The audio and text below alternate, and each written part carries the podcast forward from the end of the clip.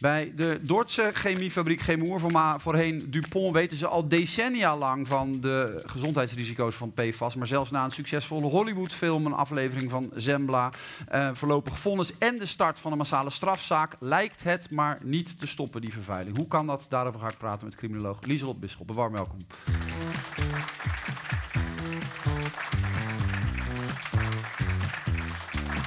We gaan het hebben over een belangrijke zaak eh, in het publieke debat, de Volksgezondheid van Nederland, maar eh, dat gaat over PFAS. Eh, wat zijn PFAS precies? Dat zijn door de mens gemaakte chemische stoffen en we worden er op heel veel verschillende manieren, we hebben er al een aantal genoemd, aan blootgesteld.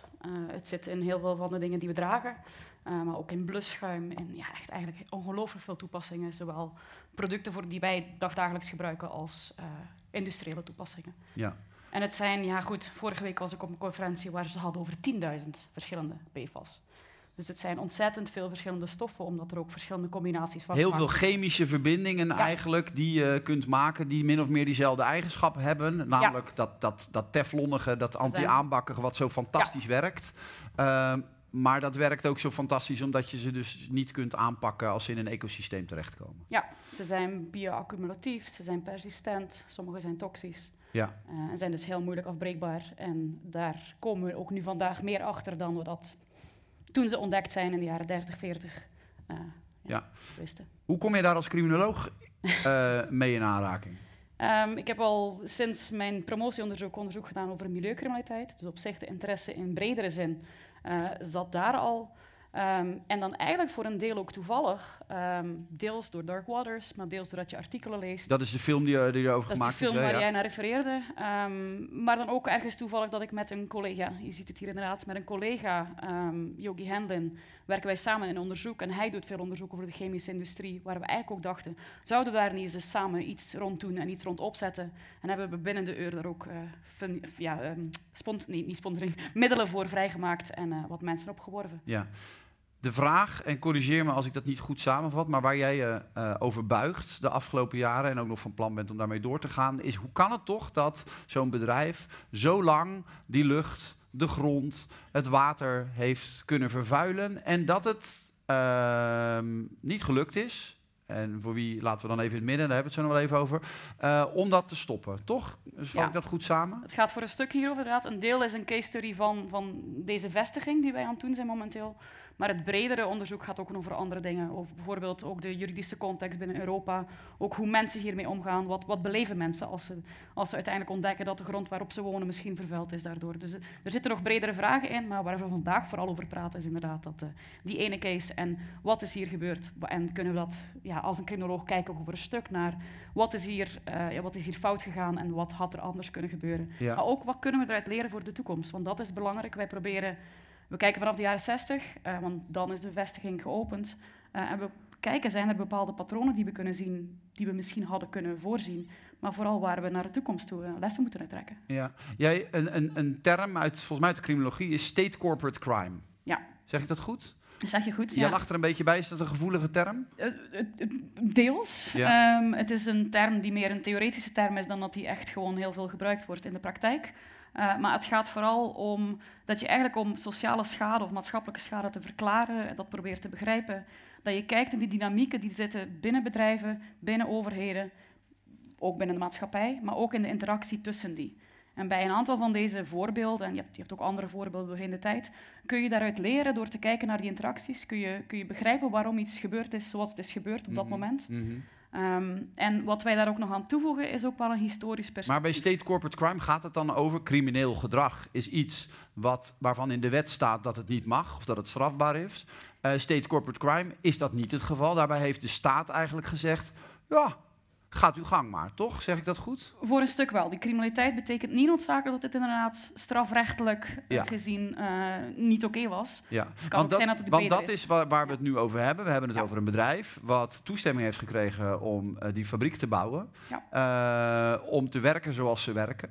Eh, vergunningen zijn verleend, toezichthouders hebben eh, eh, gezegd, dit is goed, dit is oké. En een van de dingen waar jij over buigt is, hoe kan dat, hoe kan dat toch allemaal gebeurd zijn? Hoe hebben, die toezichthouders zitten? Wie, op wie richt je je pijlen eigenlijk als onderzoeker hier? Ik denk niet dat wij zozeer onze pijlen richten. Wij proberen het vooral te begrijpen. Je hebt eerder criminologen hier gehad. Wij proberen ook altijd vanuit verschillende perspectieven wat te bekijken. En ook in de, huidige in de context van toen. Mhm. De jaren 60, jaren 70, 80 waren dynamieken anders dan ze vandaag zijn. We weten vandaag veel meer over PFAS dan toen, dus dat proberen we ook voor een stuk mee te nemen. En we proberen echt de verschillende kanten van het verhaal te bekijken, om te zien van goed, wat, wat had daar misschien anders kunnen lopen, wat had daar misschien anders kunnen lopen. Ja. Dus het is, het, is, het is niet zozeer pijlenrichten, denk ik. Misschien kan ik je nog verleiden tot wat uh, strenge uitspraken richting uh, deze of gene. Um, als ik je mag vragen om een voorzichtig antwoord te formuleren op die, die grote fundamentele vraag van wat, hoe heeft dit nou zo, zo kunnen zijn? Um, zijn het boeven bij uh, zo'n bedrijf als Gemoer? hebben lokale overheden zitten slapen toen ze een stempel onder een formulier zetten? Ehm, werd iedereen in slaap gesust door het uh, salaris dat ze ontvingen in die regio. Wat hoe is dit te begrijpen? Ja, nou, terug naar dat state corporate crime, want dat is wat het raamwerk van waaruit wij dat bekijken. Dit is een combinatie van factoren. Het is voor een stuk kun je kijken naar gedrag binnen het bedrijf, uh, maar ook naar de bredere maatschappelijke context, economisch, politiek gezien. Je hebt het over vergunningen, waarbinnen dit is gebeurd. Um, maar deels gaat het ook om kennis die geëvolueerd is maar ook kennis die niet gelijk zat tussen overheden en bedrijven. Wat bedoel je met kennis die geëvalueerd is? Ja, ondertussen vandaag weten we meer over PFAS dan we in de jaren 60 wisten. Ja. Um, en dat is ook iets wat in vergunningsprocedures wordt meegenomen. Dan wordt gekeken naar wat weten we over deze stoffen. Mm. Uh, maar ondertussen weten we wel dat er ook een bepaalde kennisasymmetrie is. Dat onder andere in de Verenigde Staten is daar onderzoek over geweest, ook over Dupont. Um, waar gewoon uit bleek dat ze, en dat is ondertussen in een tussenvonnis door de rechter hier recent ook bevestigd, dat er bepaalde periodes zijn waarin het bedrijf ook informatie heeft achtergehouden. Ja, tussen 1984 en 1998 was er aantoonbaar kennis over de schadelijkheid van die PFAS. Eh, die is niet gecommuniceerd naar de partijen. Of niet volledig gecommuniceerd. Nee, die daar wel recht op hadden. Namelijk degene die vergunningen moesten verlenen of moesten besluiten over of dat bedrijf daar mocht opereren op die manier. Dat is wat in het tussen. Wat doet dat, wat doet dat met, met, wat, met, on, met, je, met je perceptie over wat hier gebeurt? De mijne persoonlijk Ja, dat wil ik natuurlijk eigenlijk het liefste weten. Maar wat, wat, of wat, zou je mij, wat zou dat met mijn perceptie... Laat ik zeggen wat het met mijn perceptie doet. Ik denk, wat een boeven. Ik denk, waarom sluiten we die tent niet? Ik denk, waarom, waarom, wat, wat, wat zijn dit voor vreselijke figuren... die hier dag in dag uit doorgaan met die troep uh, in onze omgeving pompen? Ik vind het fascinerend om dat vonnis te lezen, om te zien wat voor argumenten daar uh, naar voren komen. En ook om te zien van wat weten wij nog meer, wat staat er nog in onze documenten, kunnen wij dat, kunnen wij dat nog verder staven of kunnen wij er nog andere dingen tegenin brengen. Wat bedoel je met argumenten die daaruit voortkomen? Uh, dat je gewoon bepaalde dingen kunt bekijken van waarom is dit gebeurd, de vraag die je daarnet ook Waarom hebben ze de informatie achtergehouden? Bijvoorbeeld, of we dat helemaal gaan weten, is natuurlijk moeilijk om dat op basis van documenten te zien. Mm -hmm. uh, maar daar wel proberen wat duiding aan te geven van wat is de context waarbinnen dit kon gebeuren. Ja, gewetensloos kapitalisme zou ik zeggen. Toch? Uh, ongebreideld kapitalisme en dan krijg je zoiets. Ja, ik denk dat wij het net iets genuanceerder zullen ja, formuleren, uiteraard. Lot, maar, ja. Uh, ja. nee, wij, uh, een van de dingen die we, waar we het ook over hebben, is de economische omstandigheden. Dat bedrijf is naar hier gehaald in de jaren 60 omwille van economische belangen. Um, het is ook uitgebreid en daar spelen ook economische belangen. We hebben ook onder andere archieven van uh, het ministerie van Economische Zaken bekeken. Ook daar worden bepaalde, bepaalde documenten, zie je het belang van dat bedrijf hier krijgen, hier houden. Ook nadat er een afdeling sluit, argumenten van hey, belangrijk om die Teflon-afdeling te kunnen uitbreiden. Dus daar, daar zie je economische belangen spelen. En dan heb je natuurlijk ook nog andere belangen. Je ziet in heel veel documenten ook van de Milieudienst vragen gesteld worden over, over wat voor stof, soort stoffen gaat dat hier.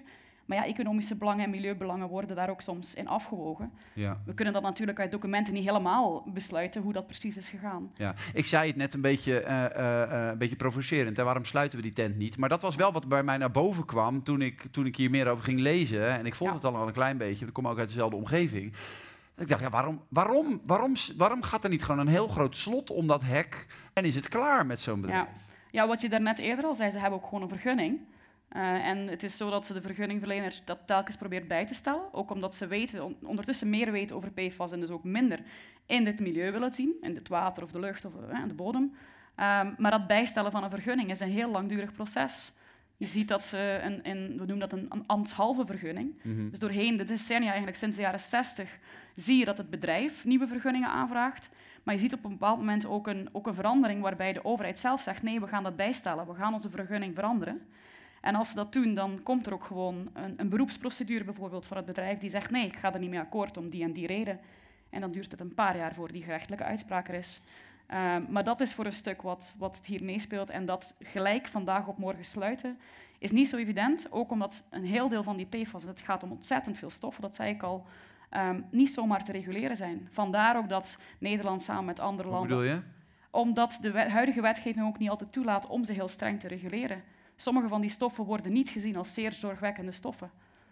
Potentieel wel. Mhm. Um, maar dat maakt het juridisch gewoon anders voor een vergunning. Dan kun je er als vergunningverlener ook, moet je er andere eisen aan stellen. Dan zeg je stof A of stof B mag je niet meer produceren of lozen. En dan eh, doen ze er een ja. koolstofverbindingje aan en dan ben je... En dan kan, kunnen de voorwaarden helemaal anders zijn. Ja. En daar geven ook, recent gaven ook de omgevingsdiensten zelf aan dat ze daarbij tegen de grenzen aanlopen van wat, Wat ze een kunnen. rot verhaal, Iselot. Dit- Ja, toch? sorry.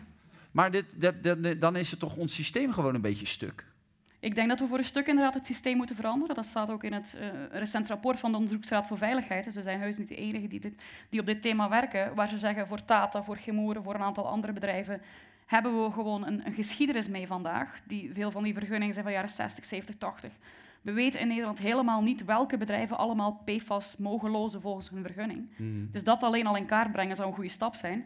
Maar ook inderdaad die vergunningen herbekijken. Als we ondertussen weten dat er gezondheidseffecten zijn, dan moeten we daar andere besluiten in nemen. Maar dat is niet van vandaag op morgen vrij, ja, bij te stellen, omdat die bedrijven ook gewoon, ja, die hebben ook gewoon een economische functie. Ja. Eh, dus dat kun je niet van vandaag op morgen. Een van de eh, dingen waar je ook mee bezighoudt is, is die rol van het toezicht. Ja. En, en, en wie gaat daar nou over? En wie zet daar nou een stempel? En zijn ze bij machten eigenlijk geweest? Welke kennis hadden ze eigenlijk? Waar hadden, hoe groot was die afdeling? Wat, wat waren Ja. de overwegingen? Ehm, is het nou zo dat, eh, ik noem het even net gekscherend, eh, ongebreideld laat eh, groeien van het, van het kapitalisme. Ja. Maar als we die, die, die lijn even volgen, is dan niet gewoon de constatering dat een, een, een, klein, een relatief kleine gemeente helemaal niet bij machten is om zo'n groot eh, economisch monster eh, op wat voor manier dan ook aan de lijn te houden? Ja. Wat je aanhaalt is op zich inderdaad juist dat je daar veel, heel veel expertise voor nodig hebt. En Mhm. ook vandaag nog is het niet evident om die expertise aan de kant van de overheid te hebben. Ze zijn doorheen de geschiedenis ook heel sterk afhankelijk geweest van het bedrijf en de kennis die bij het bedrijf zat over die stoffen. Eh, wij zien ook in heel veel documenten dat ze daar vragen over stellen. Hey, vertel ons eens wat, over wat voor stoffen gaat het? Je wil uitstoten, eh, maar wat is het, wat weten we over die stoffen? Dus er zijn best wel wat mensen die vragen hebben gesteld. Ehm, wij zien tegelijkertijd dat dat in de vergunningen dan ook niet staat. Van de, even een voorbeeld. PFOA is een van de PFAS waar het het vaakst over gaat, ook hier. Er zijn er wel heel veel andere, maar dat is een van de voorbeelden. In 2012 is die uitgefaseerd, Ehm, maar daarvoor werd die dus uitgestoten. Ehm, die stond op een bepaald moment wel in de vergunningen, maar in heel veel van de historische documenten, de vergunningen, staat er niet PFOA, er staat dispergeermiddel. En dat gaat om behoorlijke hoeveelheden, die dan in de rivier of in de lucht mogen eh, ja, geïmiteerd worden.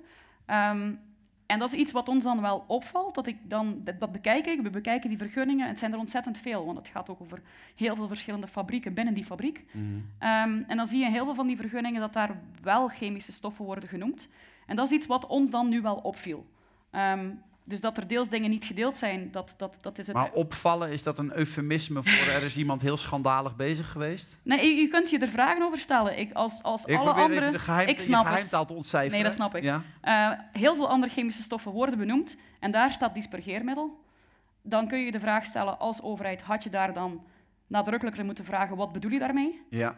Maar je had ook de vraag kunnen stellen aan het, of je zou je ook de vraag kunnen stellen, bedrijf, waarom is dat dispergeermiddel en niet PFOA? Ja. Als het nou gaat om de rol van die overheid en ook die lokale overheid. Ehm, niet zo heel lang geleden was er nog een volgens mij 22-jarig gemeenteraadslid in Dordrecht, zeg ik het goed? Ja. Die eh, ergens in een hele besloten commissievergadering iets over een deal met dit bedrijf voorbij zag komen. En die dacht, hè, maar wordt dat nou in een besloten achterkamertje eventjes eh, best wel in de, de ten faveur van dat bedrijf, eigenlijk eh, vond hij in ieder geval, beklonken. Dit moet naar buiten komen. Ehm, dat is hem helemaal niet in dank afgenomen. Terwijl ik dacht, zo'n zo'n jongen moeten we op het schild hijsen. Hoe kan het toch dat die publieke opinie en, en dus ook veel van de collega's, gemeenteraadsleden, toch niet zo enthousiast zijn over het, het, het, ja, het publiek voeren van deze discussie? Nou, ik denk dat er een beetje meer context of meer nuance bij moet. Ehm, in die zin dat, het, uh, dat zo'n schikkingsvoorstel wordt gedaan, is niet zo gek. In die zin, het gaat over... Ik praat het daarmee niet goed per se, Mhm. maar het is een civiele procedure en dan is het vaak wel zo dat er geprobeerd wordt om tot een schikking te komen. En in dit geval ging het ook om zoiets, een voorstel. Of ze uiteindelijk met die voorwaarden akkoord zouden zijn gegaan, dat gaan we uiteindelijk nooit weten. Uh, maar er zijn ook wel wat andere mensen binnen die vier gemeenten, want het gaat om vier gemeenten die een proces hebben aangespannen, um, die dat denk ik niet in maar dank de hadden indruk, afgenomen. De indruk die hier bij mij in ieder geval Ja. ontstond is... eh bedrijf maakt er een potje van, probeert in een achterkamertje nog even een deeltje te sluiten. Eh, overheid denkt, ja, een beetje dommig, goed. En er is één iemand die denkt, ja, maar wacht eens even, daar laten we ze niet meer wegkomen. Toch? Is dat... Nou, ik weet niet of het effectief tot daartoe was gekomen uiteindelijk. Uh, dat, dat zullen we uiteindelijk nooit weten, denk ik. Um, het gaat er die vier gemeenten wel om, om, ja, om toch voor een stuk die erkenning dat ze, dat ze daar een rol in hebben gespeeld, dat ze aansprakelijk zijn voor die schade. En dat gaat voor hen om henzelf, maar het gaat volgens mij ook voor een stuk om, ja, misschien ook voor de rest van de omgeving. Wat betekent het voor misschien waterbedrijven of wat dan ook. Dus ik denk dat er iets meer context bij zit. Ja. Uh, maar uiteraard, ja, die persoon zelf die is er ook uitgezet. Is de schade te repareren? Heel moeilijk. Um, ik denk dat een stuk van, de, van het repareren van de schade ook wil zeggen erkennen dat die schade er is. Um, en het, het is gewoon puur technisch ontzettend Dat er zwem, sommig zwemmenwater is in de Biesbos waar we gewoon de komende decennia niet meer in kunnen zwemmen. Ja. Omdat daar 40.000 keer de, of 13.000 keer de aanbevolen hoeveelheid PFAS Ja, in is. daar gaat het voor een stuk om. Het gaat ook over de luchtvervuiling van jaren die nu in de bodem zit. Uh, dus het gaat om heel veel dingen die we weten dat technisch gezien niet zo makkelijk gelijk te repareren zijn. Mhm. Sommige dingen kunnen wel. Uit drinkwater dan kun je het wel behoorlijk goed halen. Uh, met bepaalde technieken die ook wel geld kosten. Dus het helemaal eruit halen, nee, dat, dat kan niet. Maar ik denk dat een eerste stap echt wel is het proberen erkennen van wat hier is gebeurd en daaruit leren. Leren uit dat verleden. Uh, ook om dingen te vermijden naar de toekomst toe. En dat is ook wat wij proberen te doen. Uh, maar het zal niet van vandaag op morgen zijn. Omdat de techniek er ook gewoon nu nog niet helemaal is. Omdat, ja, hoe ga je het uit zoveel uh, duizenden liters water gelijk halen? En Ja, en nou moet ik zeggen dat ik, ik heb nooit zo heel veel vertrouwen gehad in het bedrijfsleven. Wel vrij veel in de overheid. Beiden lopen hier een aardige deuk op. Is dat, uh, is dat, is dat, is dat terecht, vind je? En markeert dat misschien ook een soort van een verandering van, van, van tijdperk misschien? Waar Ja. het vertrouwen in het bedrijfsleven in de jaren negentig misschien heel erg groot was. Uh, dat vertrouwen in de overheid zien we natuurlijk op heel veel fronten al dat dat tanende is. Ja. Nou, ik denk dat vertrouwen ook in heel veel van de interviews die we hebben gehad, dat zien we ook terugkomen. Dat er echt wel een vertrouwensbreuk is van verschillende kanten. Um, of dat gelijk weer hersteld kan worden, dat is nog iets anders. Maar uh, doordat er ook heel veel documenten zijn vrijgegeven waaruit blijkt wat ze al wisten en wat, welke zorgen ze niet hebben gedeeld, is dat, is dat vertrouwen vanuit de overheidskant heeft ook wel een deuk opgelopen. Um, tegelijkertijd, in heel veel van de gesprekken die wij de voorbije tijd hebben gehad, ik ben mijn vertrouwen in de overheid ook nog niet, niet volledig kwijt. Ik denk dat er echt wel mensen zijn die goede vragen hebben gesteld, ook doorheen de geschiedenis, dat vandaag ook nog doen. Maar je moet dat wel combineren met een systeem waar ook de nodige slagkracht is om dat dan ook uit te voeren. En om die balans tussen belangen te houden, of in ieder geval helder te maken als je kiest voor een economisch belang, dat je er ook transparant over bent. Um, maar, dus ik ben mijn vertrouwen niet volledig kwijt. Zeker niet als je het ook combineert met momenteel toch een maatschappelijke context waar er echt wel de, de, ja, ze laten het ook niet passeren. Zowel nee. de journalisten niet, uh, maar ook heel veel van de bewoners. Er werd daarnet al naar iemand gerefereerd. Um, dus er is best wel wat maatschappelijke bezorgdheid erover, die ook niet zomaar gelijk weer weggaat. Dus. Nee. Er is nu, uh, en dan komen we een beetje de afronding van het gesprek, een massale strafzaak. Ja. Uh, twee, drieduizend mensen volgens Zoiets, mij, ja. hè, die uh, met onder aanvoering van Benedict Fiek, de, de, de datastiel zien we hier ook. Hè. Ze, Ja. ze, ze houden ervan om dit soort bedrijven aan te pakken. Um, hoeveel, is, het, is dit een zinnige route, vind jij? Um, ik denk dat het een combinatie van dingen moet zijn. Ik denk dat het goed is als er vanuit verschillende invalshoeken bekeken wordt. En als dit, um, dit is denk ik voor een stuk ook bedoeld om het OM in beweging te brengen. Om te zorgen dat de overheid op, vanuit het strafrechtelijk luik ook reageert. Maar het zal om een combinatie van dingen gaan. Uh, juridische, uh, maar tegelijkertijd die juridificering vertraagt ook wel een en ander. Uh, maar ook een combinatie van ja, ook maatschappelijke keuzes. Als het, vroeger was het echt wel meer gewoon dat een bedrijf er mocht zijn. En dan was er uitstoot en die werd voor een stuk aanvaard. Uh, maar je ziet wel een verandering, ook in toezichthouders die wij spreken, die zeggen, ja, nee, de voorwaarde is eigenlijk, dit is hoe de situatie is, geen vervuiling. Dus jij moet zorgen aan het eind van jouw proces dat die vervuiling ook er gewoon niet is. Maar dat is een politieke kwestie die dus ook uh, ja, op een ander niveau moet uh, bepaald Ja. worden. Een van de mensen die, uh, die, die uh, onderdeel is van die aanklacht is Diederik Gommers. Er was Ja. op een gegeven moment een klein relletje omdat uh, G. Moer hem had benaderd met... Ja. hey, professor Gommers, kom eens even gezellig bij ons op de koffie... en dan kunnen wij wel eens uitleggen hoe het echt zit. Ja. Eh, rare praktijk natuurlijk. Is dat ook iets wat ze bij jou zouden kunnen doen? En in hoeverre ben jij pion in, in dit eh, complexe spel? Nou, ik, ik zei het al, wij hebben verschillende interviews, we hebben verschillende mensen benaderd en ook het bedrijf, verschillende bedrijven eh, die in de chemische industrie werken, heel veel gemeenten, bewoners. Dus wij nemen verschillende perspectieven mee. Dus vanuit ons perspectief is het, voor hen zijn zij respondenten, eh, die wij meenemen in ons onderzoek om, om, om ons verhaal te staven en zo objectief mogelijk te brengen. Ja, maar jij wapent je wel een beetje tegen de lobby. Ik heb momenteel nog geen lobby eh, aan mijn deur gehad in ieder geval. Goed zo. Goed dat je er was. Dank je wel. Dankjewel. Lieselot Bisschop. Graag gedaan.